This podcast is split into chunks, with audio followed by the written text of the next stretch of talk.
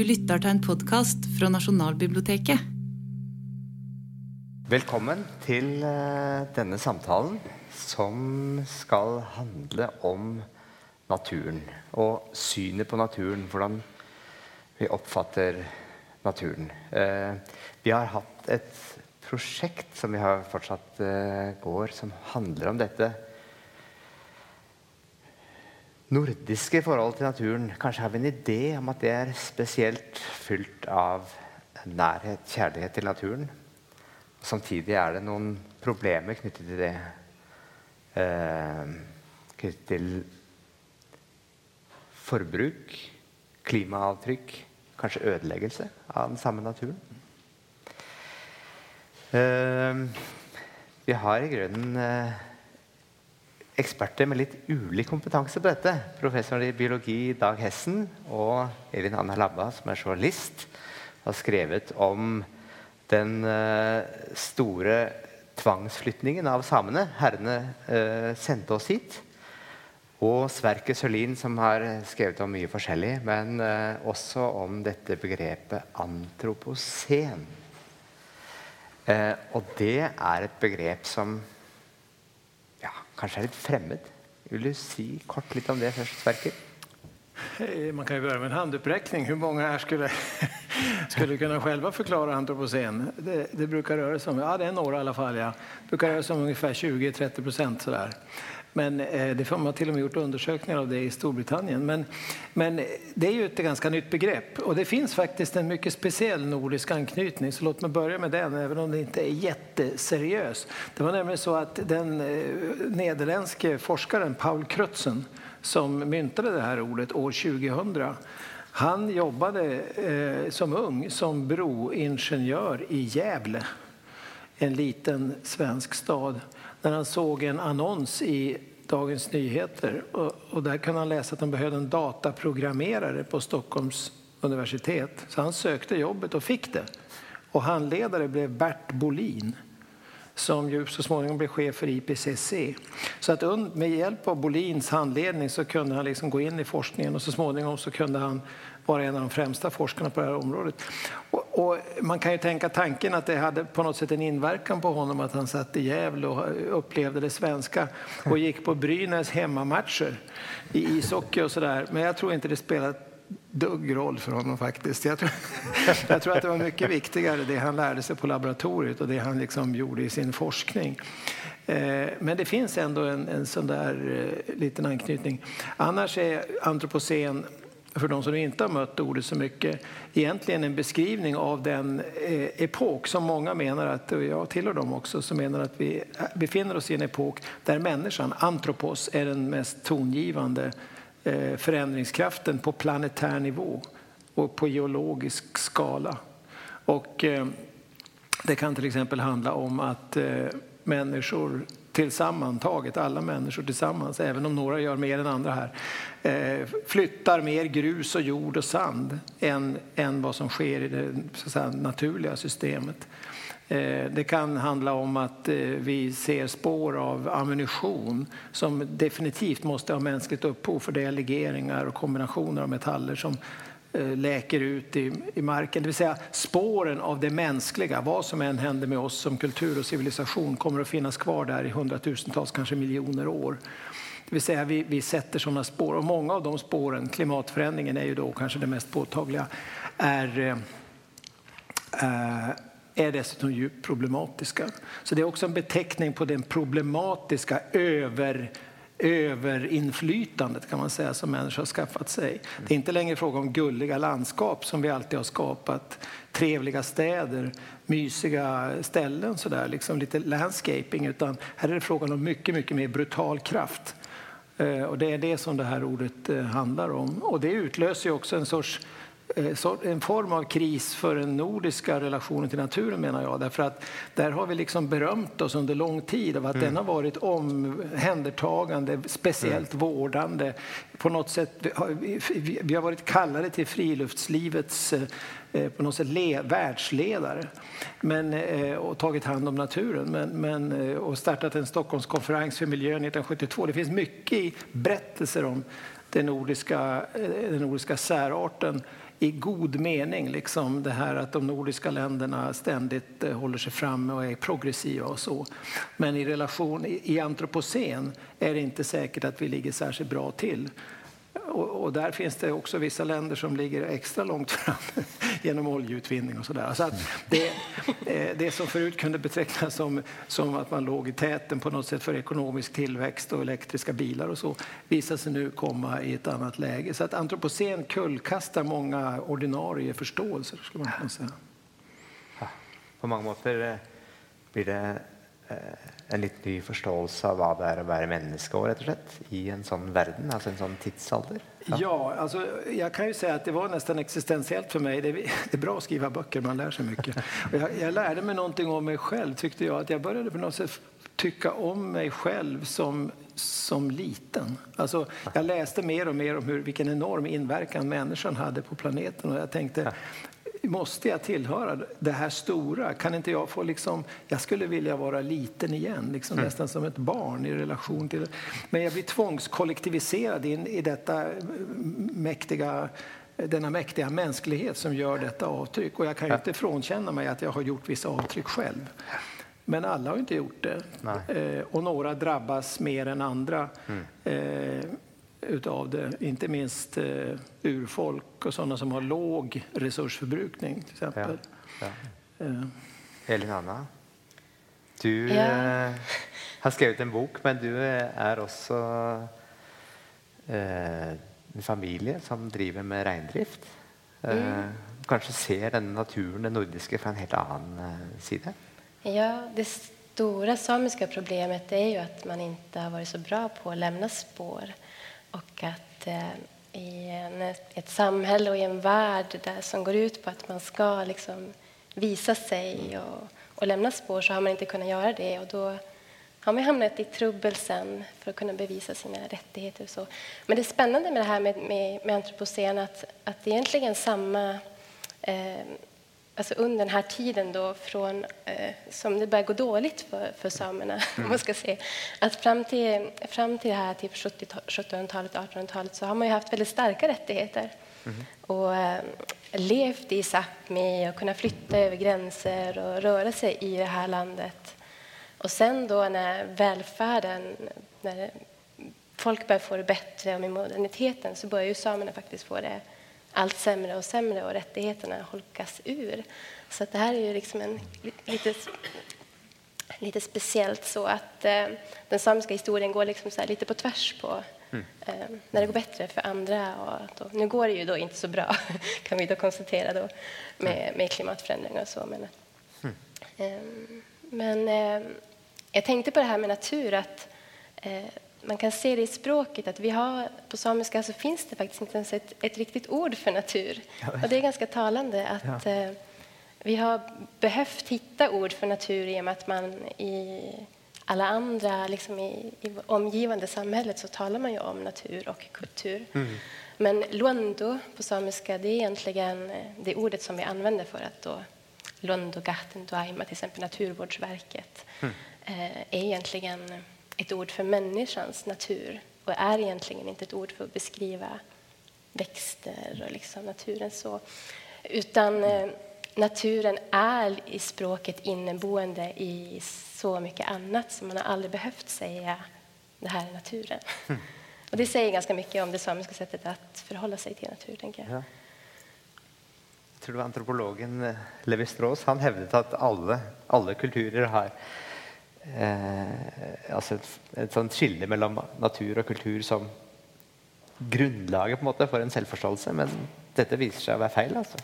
Ja, men man har ju ord för mark och etna och så, men inte liksom natur som en, vad ska man säga, som en biologisk ja. term, så, utan det är, det är liksom underförstått att eh, att den är där. Ja. Jag skulle vilja säga då också att den här stora separationen som vi har annars i västerland mellan natur och kultur, att den inte är lika tydlig i det samiska sammanhanget. Mm, men det är väl liksom det som är urfolksideologier, mm. att uh, den inte är det. Och det.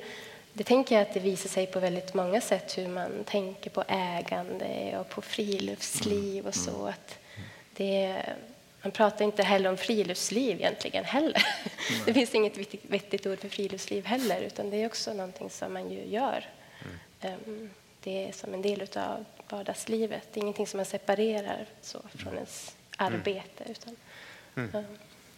Men, ja. Ja, den, men den menneskelige natur snakker dere om. Sånn at, for det er jo en del av det menneskelige prosjektet å ville fjerne seg fra sin indre natur. Markere avstand til dyrene, det umoralske eller amoralske. Så, og det er jo en del av menneskets kulturprosjekt, tenker jeg. Å fjerne oss fra vår indre natur. Men litt sånn parallelt og kanskje utilsikta så har vi også fjerna oss fra den ytre natur.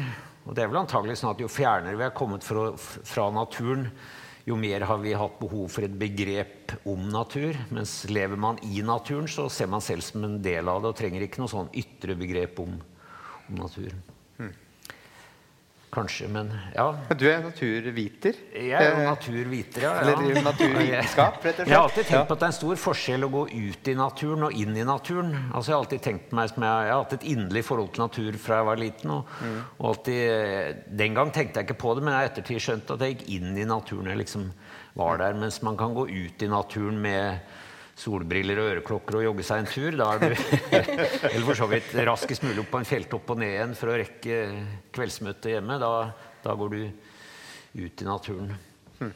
Men eh, nei, jeg, jeg, er jo veldig opptatt av antroposenbegrepet. Jeg leder jo til og med et forskningssenter som har tatt navnet, det kronglete navnet Senter for biogeokjemi i antroposen. Som ser på kretsløp og særlig karbon. Da, og, og, men denne koblingen mellom eh, natur og klima ja. hvor avgjørende biologiske prosesser er, som fotosyntese og selvånding, respirasjon, for de store kretsløpene og for det klimaet vi har i dag. Så det er jo et uh, avgjørende argument for å ta vare på natur. For uh, enten man liker begrepet økosystemtjeneste eller ikke, så er jo den største av alle økosystemtjenester det er jo naturens evne til å, å ta opp karbon. Men eh, det norske naturforholdet er jo litt sånn underlig. ikke sant? Det, det norske selvforståelsen jeg vokste opp uh, i skisporet etter Nansen. på en måte. Vi hadde ikke noe annet å skryte av her på berget. Det var jo fattigslig karrig land, men vi hadde liksom de polare bragdene. Så, så å komme seg ut og gå på ski, og det var nok en sånn ektefødt Nansen-skarv. Og dette har vi dyrka med oss selv, og det har gitt en sånn myte om at vi er et naturfolk, og også dette med det endeløse villmarkslandet Norge, som jeg tror er en farlig illusjon. For det, det, er ikke så mye villmark der ute lenger, og det gjør også at vi kanskje i større grad enn mange andre land eh, spiser opp denne naturen, for den ses på som en salderingspost fordi vi tror vi har så uendelig mye av den. Jeg tenker en sammenheng rett og slett mellom denne forståelsen av en endeløs uh, Hardangervidda, for å si det sånn, eller uh, Eh, for så vidt eh, videre oppover eh, Spitsbergen og Svalbard. Og at, at, man tenker at der er det uendelig, så det kan vi bare bruke. Er det sant? Er ja, det det? jeg tror det. Ja. Det har jo også med forvaltning av natur, som i Norge er skjøvet stadig mer ned på lokalt nivå, hvor enhver kommune da forvalter en del av denne fellesarven, men ofte kortsiktig. Men det er det selvfølgelig. Flyr du, sitter du i et fly og kjører over Norge, så ser det ut som det er fjell og skog overalt. Så det, man kan jo få den illusjonen, men sånn definisjonsmessig villmark har vi i hvert fall ikke så mye nå. Og eh, denne epoken da, som vi kaller antropocen, når du studerer det som naturviter eh, hva, hva, endrer det på en måte perspektivet eh, i forhold til sånn som du holdt på tidligere? Det er jo denne erkjennelsen at vi har klart å endre så fundamentalt på planetens overflate. og vekten, Summen av eh, alle menneskelige konstruksjoner overstiger nå den samlede vekten av biosfæren på planeten. Altså all skog, alt levende eh, er mindre enn alt det menneskekonstruerte. Sånne ting. Og selvfølgelig kanskje det mest eh, åpenbare, da tillegg til nedhugging av regnskog og tap av våtmarksareal og alt dette, så er det selvfølgelig klima, ja. altså gassene. CO2 har vi ikke endra så mye, og ikke nitrogen, men det er denne CO2 og metanbiten som vi har endra, og det er nok altså til at uh, ja. Så er denne erkjennelsen at uh, ført sammen at uh, solution to pollution is dilution, fordi himmelen var liksom, eller atmosfæren var endeløs, og havet var endeløst. Men nå ser vi jo at det, det er det ikke. Og det er en slags ny, ny erkjennelse. Ja. Jeg, har, jeg tenkte litt da jeg så på det vi hadde definert som tema for denne dagen. Altså konstruksjoner av Norden, og så natursyn. Mm. Eh, er det vært en, en endring fra altså, te, å tenke bare at naturen er noe som er der, noe som vi er i, da, i forhold til det er noe vi konstruerer, og som vi rett og slett kan styre og bygge eh, omtrent som vi vil? Eh, eller er det noe som har vært der lenge? Liksom, er det jeg, jeg tenkte altså det, Selve dette en slags sånn konstruktivisme, rett og slett, altså, i det å, å, kunne forme naturen etter sitt eget hode på et vis. Eh. Altså, ja, ja. Nei, jeg kan uh... Slippe til andre? Ja. ja. jeg har sagt nok for en stund, men jeg kan ja. Eh, nej, men eh, om jag får säga något där så, så kanske man, du nämnde Nansen till exempel. Jag satt i, på tåget på vägen hit i förmiddags och skrev en liten bildtext till en, till en artikel som ska in i någon bok här framöver. Och, och då, då var det eh, Flora Laponica av Linné från 1737. Jag använde en frontispisen där. Och då, då tänkte jag, vad är det egentligen på den här bilden som så många har sett? Jo, men för det ser ju inte ut som Lappland för fem öre. Det är berg som snarare påminner om Schweiz. Och så är det någon konstig form av kåta där. Och så sitter en nojd och knackar på en trumma. Och så, så liksom alla de här klichéerna skulle framhävas i en bild. Och vad får jag se som jag aldrig har sett förut? Ett par skidor sticker liksom fram där. Och hela ikonografin på något sätt. Av, och då tänker jag så här att linjen fram till Nansen finns där. Det var bara det att han började också åka på dem och börja liksom eh, visa upp sig själv. Det pågår ett konstruktionsarbete här av en form av myt. Mm. Så, så av, av, en nordlig del av världen där man idkar en alldeles speciell form av friluftsliv. Själva begreppet friluftsliv som du var inne på är ungefär från 1900 i både norska och svenska. Mm. och Nansen är själv en av de som lanserade. Och den konstruktionen skulle jag säga, den har haft sitt på många sätt under 1900-talet. Den har mm. fungerat mm. ganska effektivt mm. och den har inte saknat sina favörer och sin charm skulle man kunna säga. Men mm. nu är det som att det kommer liksom under stress mm. på grund av en annan konstruktion som sådana som du och jag och har liksom gjort i form av, vi har liksom byggt upp antropocen som en förståelse, Krutzen förstås kanske mer än några andra, men det är ett modernt konstruktionsarbete. Den stora skillnaden skulle jag vilja påstå mellan, och Nansen var ju också naturvetenskapsman, mm. och vad vi gör nu, det är mm. att han i någon mening tror jag inte var fullt så självmedveten som vi är nu. Mm. Alltså hans konstruktions missionsarbete, den var i någon mening naivt skulle jag vilja säga. Det, var, det byggde upp en, en Norden-mytologi som de människor faktiskt trodde på. Mm. Den, den här antropocenkonstruktionen är, är faktiskt lite mer hämtad ur, ur direkt ur laboratoriet och, och liksom, den kommer framtiden, någon gång i framtiden kommer det också ses som vår naivitet kanske. Men det är någonting, det är också ett annat moraliskt uppdrag som ligger i antropocen. Alltså. Och dessutom ja. finns det en annan viktig skillnad. Den går utöver alla politiska gränser. Alltså antropocens, eh, det är, en, det är en, en, sorts planetär företeelse. Ja. Så man, medan däremot eh, det Nansenska projektet, om vi får kalla det för det, eller det linneanska om man också så vill, var ju, byggde ju nationer i, den, i en gammal förståelse. Antropocen är liksom ett bygge som snarare knyter an till någonting som är så att säga förnansenskt, liksom, som, som handlar om samband ja. som överskrider eh, politiska gränser.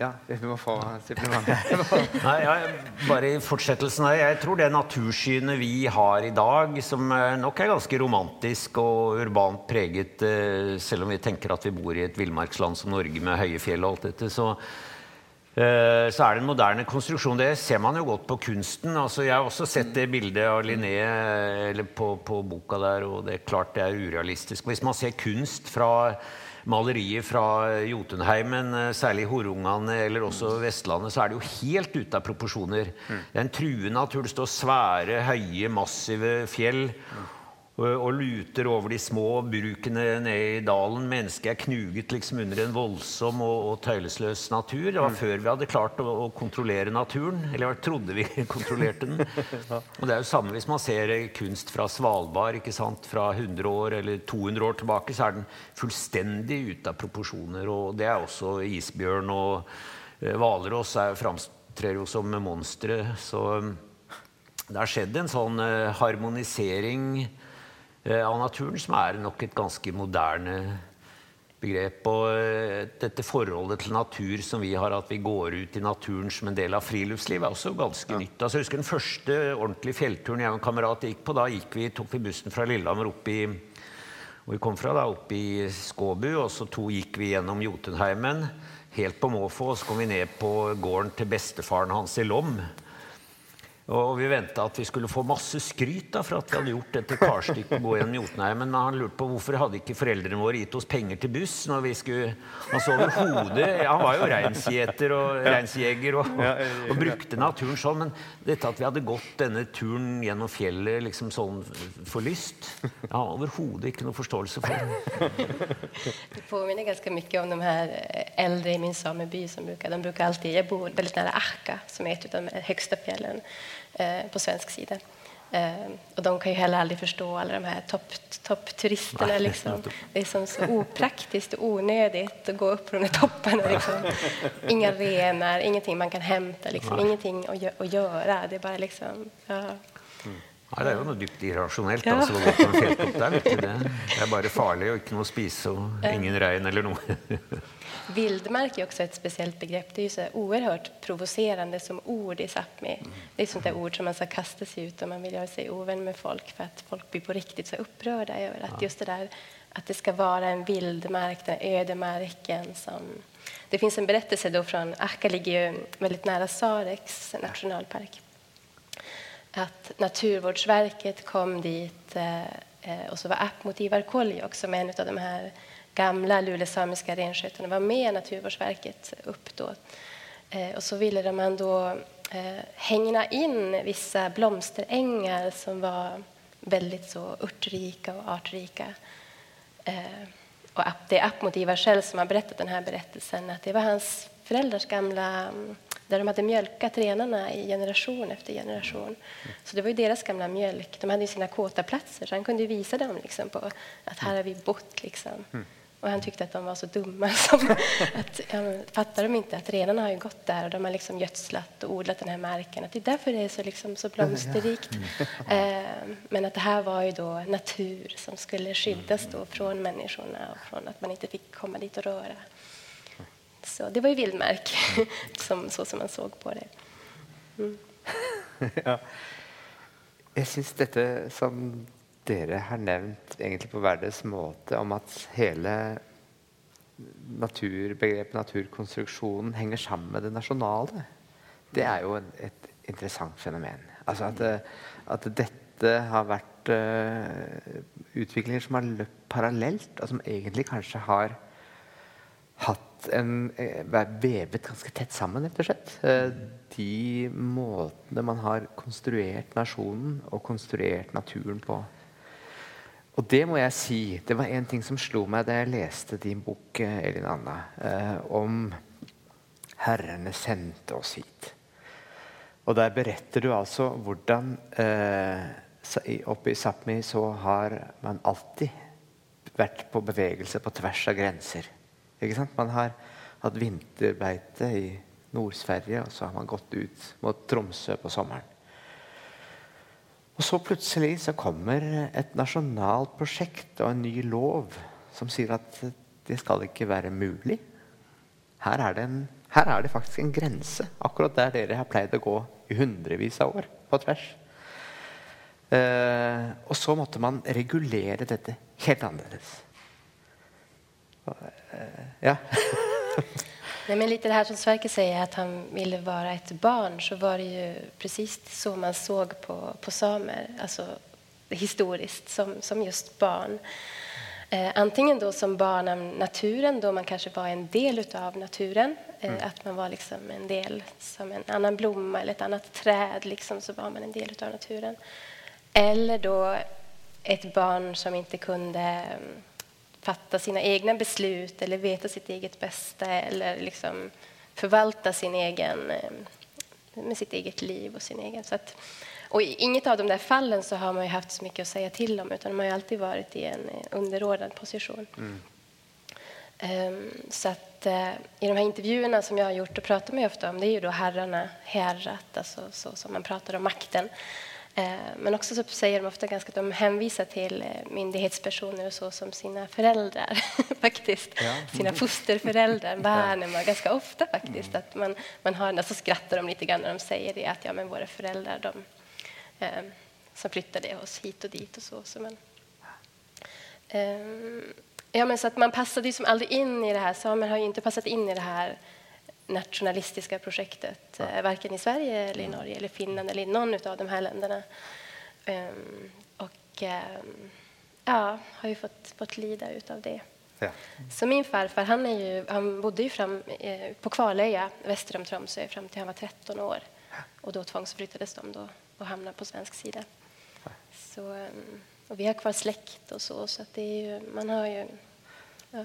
Men det slo meg også i din beskrivelse av det norske i forhold til det svenske. Der, der observerte man plutselig en helt annen uh, ulik ideologi, kanske? Uh. Eh. Ja, det skiljer sig lite åt. Det är, att det ändå är ganska stor skillnad. Att i, I Norge så hade man den här väldigt, väldigt starka förnorskningspolitiken och assimileringspolitiken. Den här oerhört en nationalism som jag i alla fall ur samisk horisont upplever som lite råare när det kommer just till minoriteter och, och samer i alla fall.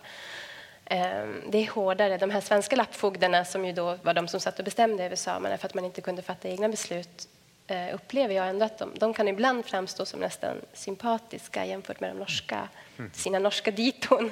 Att de var, det är oerhört hårda toner mot det samiska här under, ja, men, efter sekelskiftet och under unionsupplösningen. Mm. Var skulle jag komma? Vad frågade du? Nej, ja, ja, ja, men eh, du, eh, Dag, du hade... Nej, kanske det var danska ämbetsmän som var sett upp och som var de som for hardest fram. Men...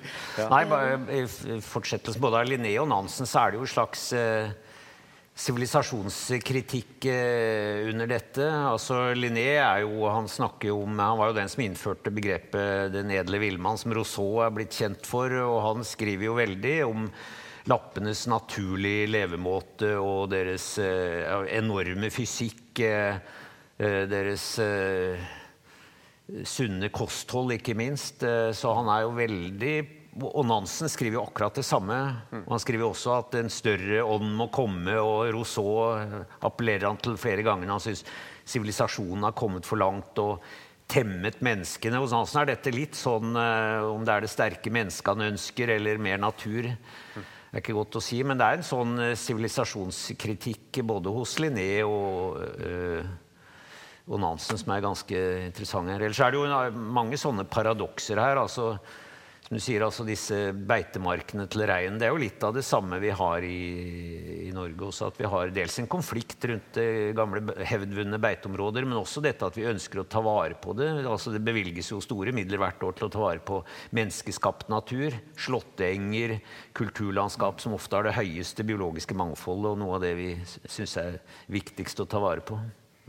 Så forhold til natur det er liksom ikke bare den urørte villmarka, det er i like stor grad den kultiverte naturen vi vill bevara. Mm. Men det var väl också väldigt viktigt att eh, när motsättningarna i samhället ökade under 1800-talet och med industrialism och urbanisering och spänningar som naturligtvis också är stora idag så behövdes det berättelser som förenade befolkningar och naturen. Det är inte unikt för Norden, det finns på många håll runt om i hela världen, inte i alla länder, men det finns på många håll i alla fall, att man skapar, skapar man knyter natur till nation. Mm. Och det går ju att ta det ett steg till också eftersom själva orden har samma rot, nämligen det har med födelse att göra. Mm. och, eh, så liksom, folket föds och nationen föds. Mm. Och naturen är liksom också ett, något som hela tiden föder någonting. Och det här sker i samspel så att folket blir till slut naturgivet på en viss plats. Mm. Och alltså har du en inbyggd ambivalens i förhållande till det som är främmande. Mm. Det finns något egentligen ganska problematiskt med den här relationen. Sen mildras den lite grann av civilisationskritik och så, men jag tror att det finns en, det är något ganska hårt just över detta. Tillhör du då inte så så är det, är det dig det är fel på. Jag tror att i Sverige var det så att de som fick ta högst, värsta stöten var finnarna kanske. Det finska språket skulle verkligen utrotas i Tornedalen och så. Eh, jag delar nog din bild också av att den nyansen kanske är mildare i Sverige i förhållande till samerna. Eh, och de här konflikterna med, kring eh, alltså, knappa resurser de finns i Sverige också i väldigt hög grad. Det fanns ju liksom nybyggeskolonisation. Man skulle helt enkelt kolonisera och befolka de norra landsdelarna. Och eh, där betade ju renarna sedan tidigare, så under flera hundra år var det en växande spänning. Jag fick lite extra inblick i det här eftersom en av mina doktorander jobbade med det här fram till helt nyligen när hon disputerade på en av Corinna Röver hette hon som undersökte precis de här eh, spänningarna, särskilt i början av 1900-talet då det ju faktiskt var så att det togs fram gevär och sköts renar. Alltså, som, alltså att man, man jagade dem kort och gott för att liksom från nybyggarsidan demonstrera mot den här inkräktaren. Och vi har ett politiskt parti, det kanske kan avsluta en sån här liten berättelse, numera ett högerextremistiskt parti i Sverige eh, med mycket extrem nationalism också, där en ledande företrädare eh, helt nyligen kunde säga att eh, svenskarna, det är en sak, sen har vi också samer och judar och de tillhör inte det svenska folket. Mm.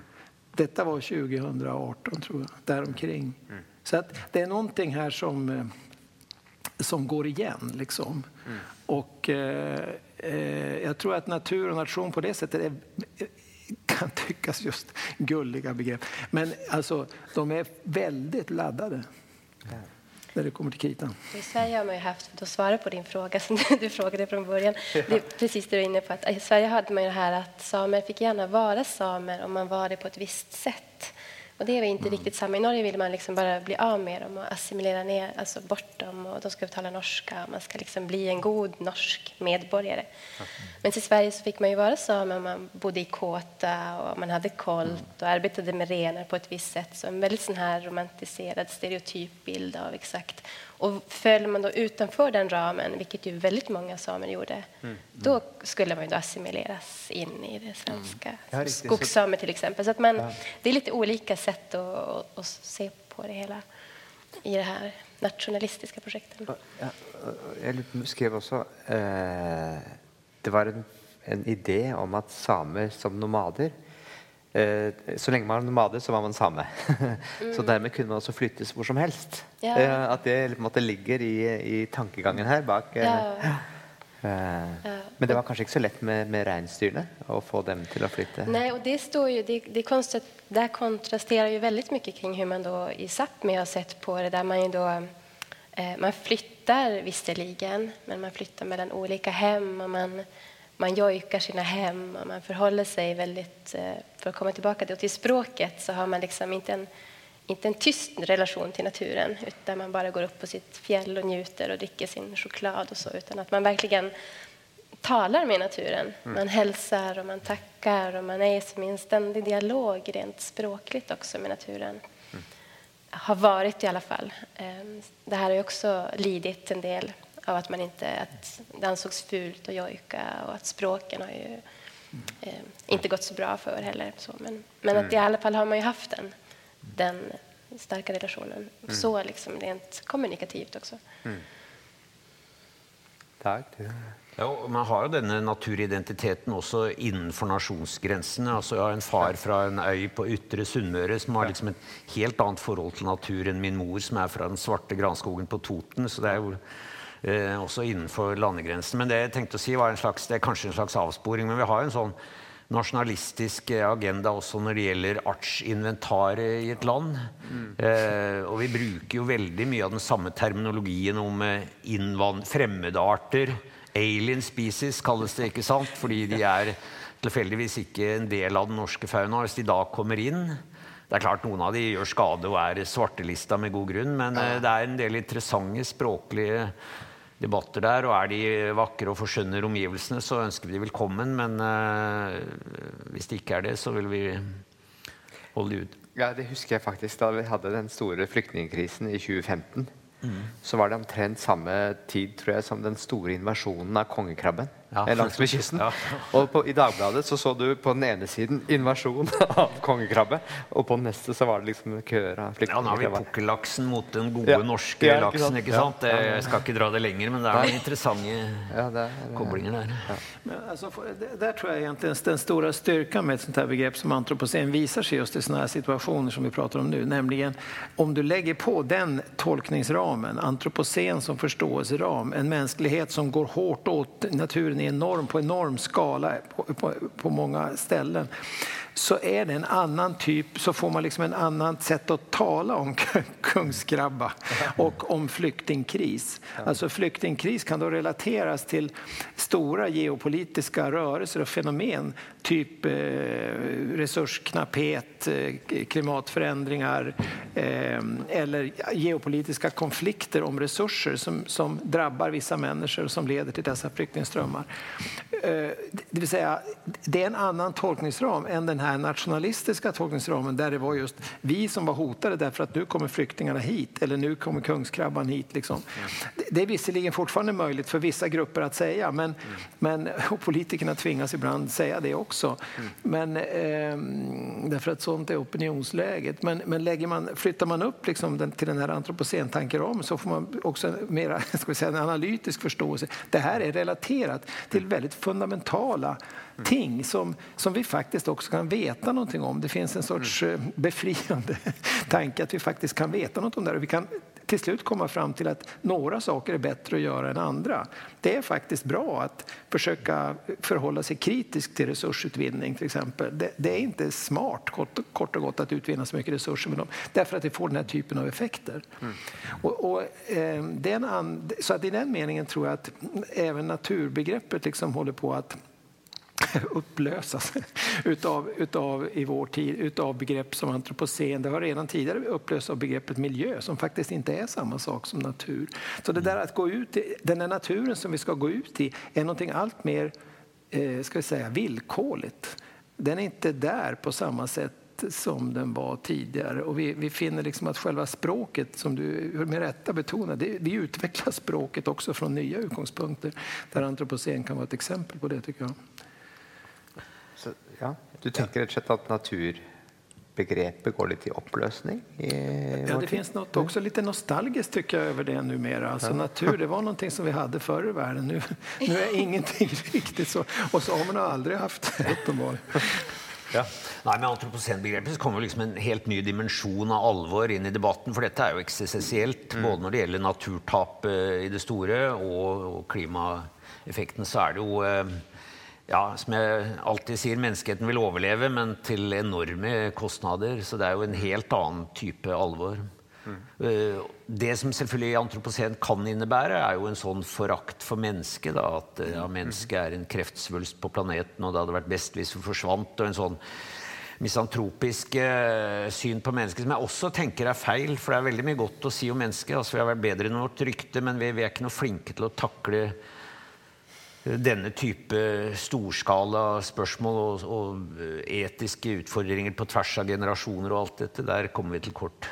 Så det er ikke vond vilje, men det er manglende evne, kan vi si. som Ja, mangler vi rett det. evnen til å liksom se fram i tid? Er det det? Altså, er det har vi en litt sånn begrenset horisont? Eh, Ja, det tror jeg er et evolusjonært eh, aspekt ved oss. Altså, I hele vår forhistorie har det lønt seg å ta for seg godene her og nå. Vi har vært få mennesker i en endeløs natur. Nå er dette snudd, eh, men vi har fortsatt igjen dette at eh, kjøp tre, betalt for to, selv om vi ikke trenger noen. Så det, det, det sitter litt i oss. Men, men altså, Istället för seven generations. jeg vet ikke hvordan Men, Ja. men ettermælet, da? Det, tidligere betydde det at det er enormt mye. Eh, men jeg vet ikke om det er noe relevant lenger. Det er kanskje ingen som bryr seg om det, sitt ettermæle. Ja. Mange tenker vel på at de vil ha en god nekrolog, men det er, det er så langt det strekker seg, og det, det kan du få på andre måter. ikke sant? Så. Men, men kunde man tänka sig någon sorts tanke av den här typen då att eh, samerna som du berättade liksom, har utvecklat, liksom många andra tror jag, folk runt om i världen, liksom, utvecklat ett väldigt tätt förhållande till det som de inte kallar natur. Som är fullt av språk, liksom, fullt av beteckningar. Och där har man också faktiskt tagit för sig en del, men faktiskt inte mer än man kanske har behövt. Men man har heller inte haft något språk för planeten. Alltså att skulle jag kunna tänka mig, att det liksom har funnits vissa begränsningar.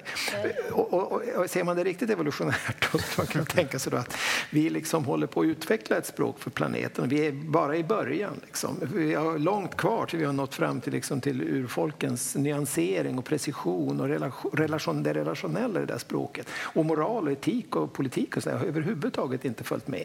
Men det finns dock en början till ett språk som gör att vi kan tala om våra planetära villkor. Och att just språket är väldigt viktigt för att kunna göra det, menar jag. Liksom att det får inte stanna bara vid ett naturvetenskapligt formelartat språk som i och för sig är mm. väldigt effektivt och fullt av precision och helt nödvändigt. Men det måste liksom översättas i ett språk och där är vi ju Ämnen är ju där alltså lika med noll nästan än så länge. Ja, ja, tyvärr så har ju urfolken också då börjat gå mer och mer närma sig mer och mer liksom det, eh, eh, gått längre bort från sin filosofi. Och det hänger ju också samman med att man tappar sina språk. Och när de här språken dör ut så, så dör ju då alltså, kunskap om biologisk mångfald men också mm. berättelser och historier och den här filosofin som är kopplad till hur man ska mm. leva.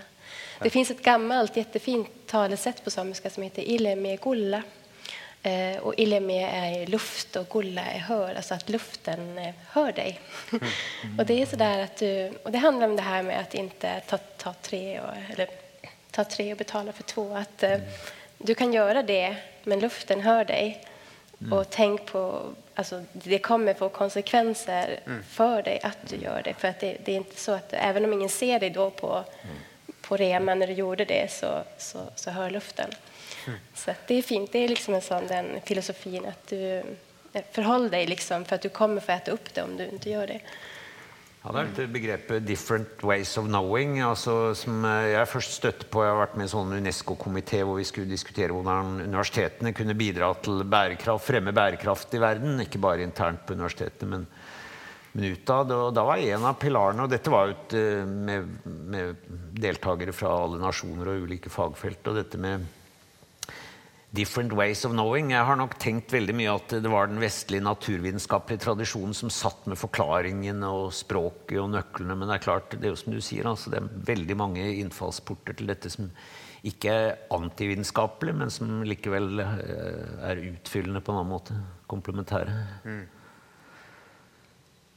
Og, og, og, kanskje måter å forstå som du tenker eh vi er i ferd med å miste. Eller altså det, det, det, Du skriver iblant at uh, vi hadde en joik for fjellet, men joiken er stilnet. ikke sant? Altså Du har den mm. type Så tenker jeg, hvor hører jeg joik? Jo, jeg hører det kanskje på Grand Prix, eller altså Det, det er en sånn absurd uh, uh, sted å få joiken ut, men altså Ja. Uh, nej, men det sker ju också inom, uh, alltså inom det samiska. Jag tänker att det inte bara inom det samiska utan hos många, många urfolk att uh, jojken var ett sätt att kommunicera med, med fjällen. Det har blivit scenkonst. Mm. Alltså att det där, den där rörelsen, liksom, uh, naturen var någonting som fanns i berättelser, som fanns i, mm. alltså i princip inom en. Men det har blivit ett ord som, som, som, man kan ta på. Liksom. Så att man, den där rörelsen finns ju. Ja, det är ju bara en stor sorg. Jag vet inte vad man ska göra med det. Mm. Att, eh, att många, ut, ut, många som sitter, att den kunskapen dör ju bort från oss, alltså för var dag, mm. alltså bokstavligen. De som sitter på den kunskapen är väldigt eh, sköra. Mm. Men när du säger sorg där så tror jag du säger något väldigt viktigt. Alltså att, eh, och din, din, din fina bilden där för luften som, som ser dig när du gör det där som vi kanske skulle kalla för oetiskt eller liksom du gör en konsumtionshandling som du inte borde göra. Eh, så, så, så det, känslor, kort och gott, är väldigt viktiga för att vi ska liksom få syn på vad som är fel.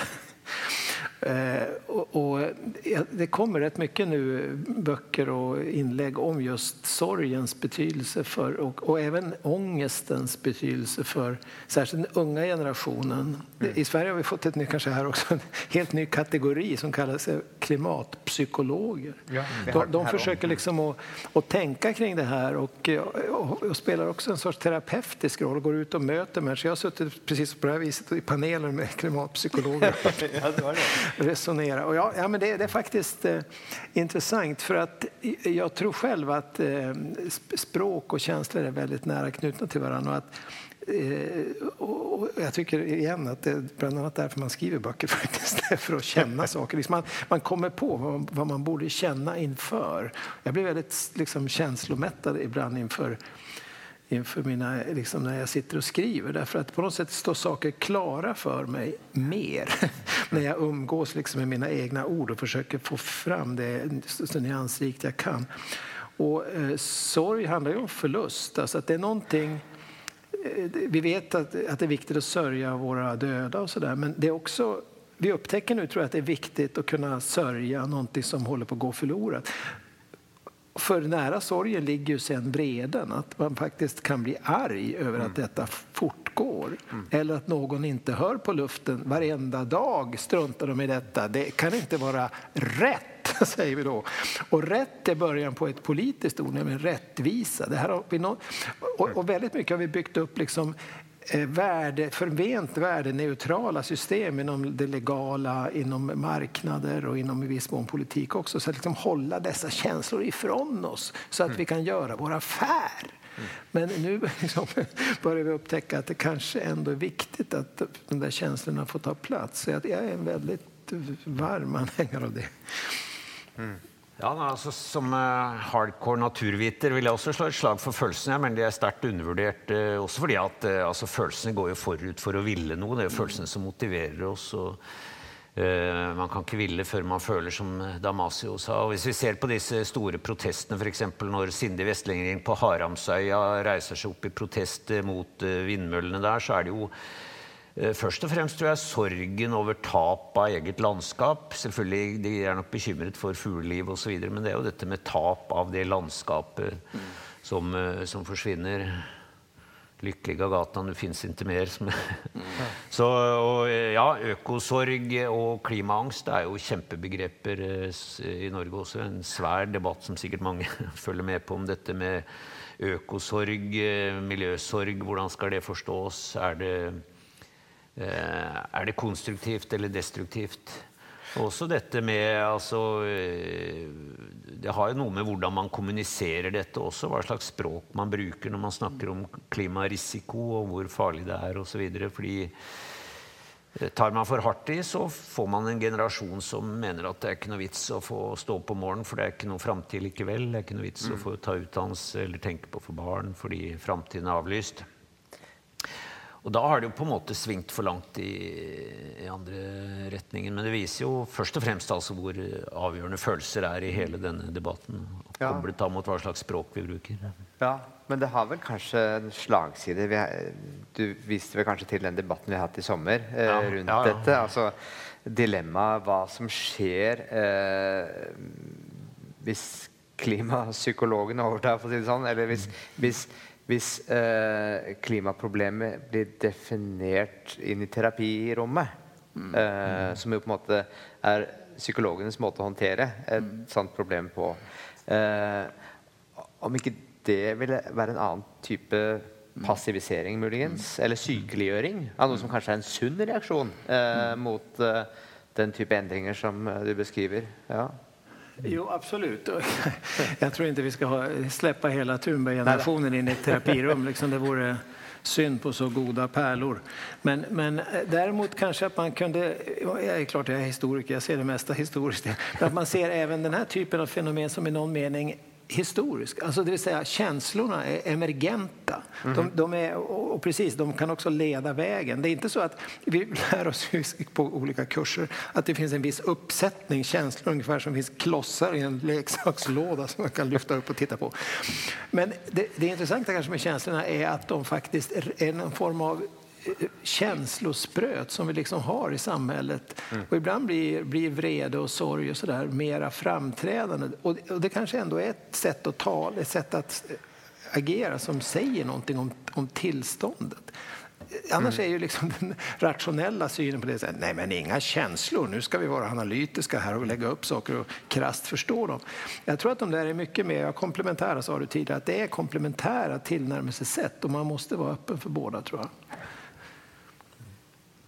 Elin Anna, vil du si Nej, men jag kan bara tillägga att jag tror att vi har kommit, i alla fall i Sápmi, till ett tillstånd av vrede. Det tycker jag. Mm. Jag kanske tillhör en generation som fortfarande är sorgsen, men de yngre som är 20 år yngre än vad jag är, mm.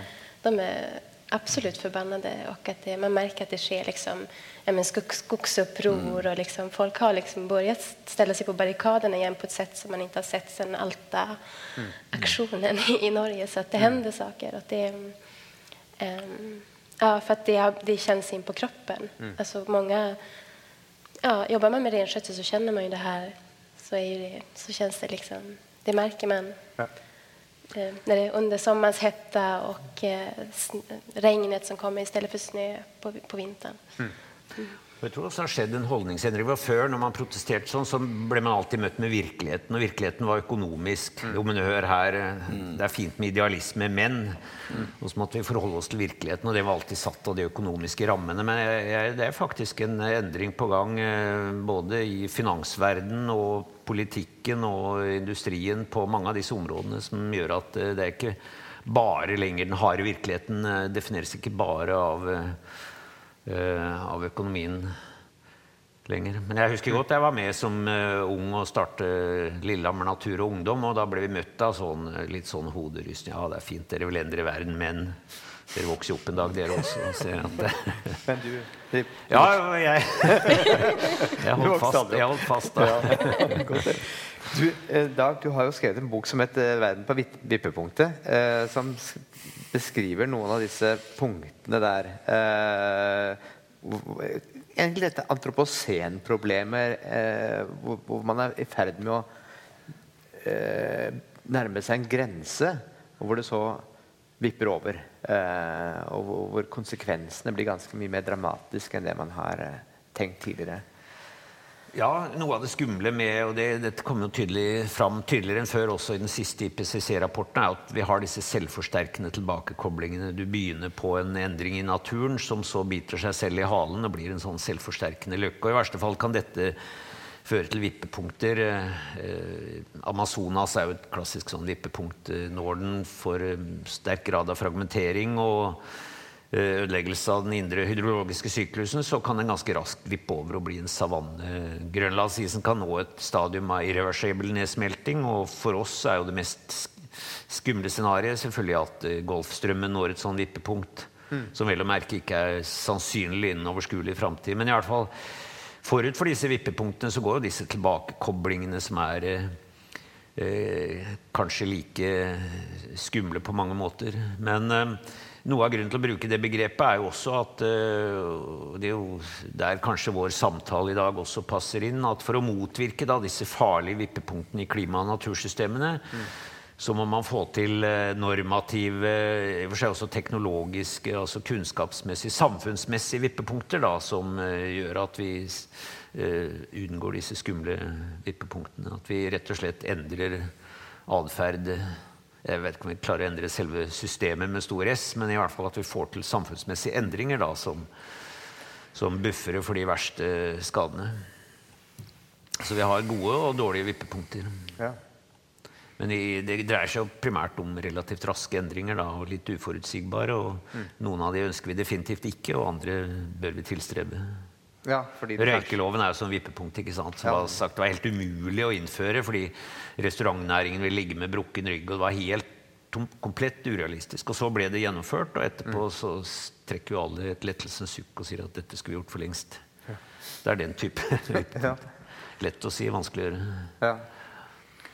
Men skulle man inte, för att försöka knyta ihop lite trådar, kunna ja. säga att, att, eh, att om man, kan, om man tar Nordens de här nationella naturmytologierna, att de i väldigt hög grad är så att säga holocenprodukter. De förutsätter en stabilitet. Mm -hmm. Det är samma sommar varje sommar. Ja. Åtminstone en regnig och en solig, men det finns. Och så sen är det alltid snö, torr snö som ben, renarna kan beta i. Och så kan man alltid gå på ski i. Nordmarka från november till april och, och så där. Liksom, det finns fasta förståelser medan däremot den världsbild som växer fram, och det vill jag på nytt betona det emergenta. Vi, vi håller på att få en ny förståelse av jorden, har vi talat om. Vi håller på att få en ny förståelse av historien. Det är inte linjär tid, det är liksom mycket, mycket mer disruption, liksom. mycket mm. mer osäkerhet också. Och, och därför väldigt få bärande framtidsberättelser just nu. Mm. Och så människan, du nämnde Damasio och andra. Det finns mängder, Kahneman, en massa forskare som har visat att vi är inte de vi trodde att vi var. Vi är helt andra typer av figurer. Och vi är verkligen inga holocenmänniskor. Vi är liksom labila, instabila, problematiska. Liksom. Vi, vi drömmer om våra förnuft, men vi har dem inte särskilt mycket av dem. Och som kollektiv är vi komplett oförmögna. Så att liksom på alla de fundamentala punkterna där de gamla moderniserande berättelserna och de här naturmytologierna var stabila, eh, möjligen med en och annan revolution för att förutsätta någon sorts framsteg, så är det nu en mycket, mycket, mycket mer problematisk ordning. Då är tipping points liksom verkligen ett, ett, ett, begrepp som signalerar att här kan stora ting ske väldigt snabbt dessutom, som vi har sett från iskärnorna just på Grönland, att det liksom kan hända på tio år. Mm. Så det, det, är verkligen en ny förståelse. Mm. Ja, verden er et, uh, som Zapfe sa, hvor oppholdstillatelse kan når som helst bli inndratt. Uh, det er den uh, mest dystre versjonen av det. Men det er klart at Mänskligheten har ju blivit till och kulturen har vuxit fram i ett eh, helt osedvanligt stabilt miljö. Så eh, vi har väntat oss att at ska skal det vara. Och jag tror också på samma sätt har vi vent oss till att eh, världen har varit på stigande kurs.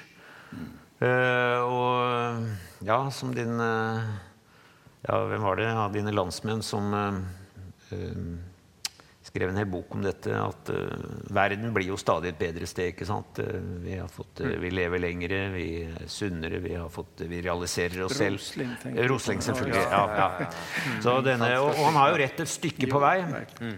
Men det er denne ideen med at dette, siden det har gått bra så lenge, så skal det også fortsette sånn. Vi har liksom ikke noen fantasi til å se for oss en annen modell enn denne vest, eh, vestlige vekstmodellen. Eh, som ganske riktig har tjent oss godt eh, opp til nå, men vi er i hvert fall i vår del av verden er vi jo lengt, for lengst over et optimumspunkt hvor, hvor det er tilrådelig å, å, fortsette. Men det er dette at vi er vant til stabilitet, vi er vant til vekst, og dette er liksom den virkeligheten vi forholder oss til. Mm. Men etter oss kommer syndefloden. Ja. ja. Men, Fortsätta den här positiva andan. Så. ja, nej, men så, så, upplever jag också att folk ser med alltså skräck i ögonen på den här gröna omställningen som ska komma nu med vindkraftverk och eh, ja, men, the green energy deal och vad, vem kommer liksom ta smällen utav, utav den? Liksom. Mm. Nu är det så här stor idé, Dagens Nyheter, så här såna, ja, men nu så ska ju liksom industrialisering av norra Sverige och det är liksom, nu ska vi börja bevaka norra Sverige för att nu ska ju liksom... Och så har alla från i Sápmi bara liksom... man har gått och väntat på att den här klimatdebatten ska komma och sen så, så vad är det då som, som kommer? Liksom? Det där är också någonting som man börjar prata om. att eh, eh eh Ja. Ja. Vår natur då, som vi har pratat om. Hur mycket ska vi ta ut av den för att göra den här omställningen? Och liksom hur, ja. Ja, Det er en veldig parallell debatt i Norge med gruvedrift og vindkraft på vidda i nord. Og, men dette koker også ned til at uh, det grønne skiftet forutsetter vekst. Og det er denne drømmen om frikobling, at vi kan fortsette veksten uten at den på et eller annet vis skal uh, Eh, Eh, berøre natur og, og, klima. Og kanskje vil vi få til om noen år når det gjelder CO2, men eh, veksten vil jo alltid kreve materielle ressurser, så vi kommer ikke utenom at uh, grønn vekst er ofte grønn bare med ett sett med briller på. Vi har hatt en veldig interessant samtale. Vi begynte med antropocen. Vi har vært uh, oppe i konstruksjonen av nasjon og natur. Og vi endte opp i en, ja, en litt dyster advarsel, kanskje, til slutt. eh, det er ikke noen en som liksom føler seg kallet til å liksom løfte av en liten gnist av håp. Jag ska ge er en liten gnista av hopp. Och det är så här att jag på 80-talet skrev jag min doktorsavhandling. Den hette Framtidslandet och handlade om de gamla drömmarna om norra Sveriges industrialisering och det välstånd och den växt det skulle ge för hela landet. Det var en sorts nationell myt det också. Eh, jag skrev den stora boken och gjorde den stora forskningen med en ganska förstrött intresse för det samiska faktiskt. Det var inte någon jättetema i de debatterna på den tiden.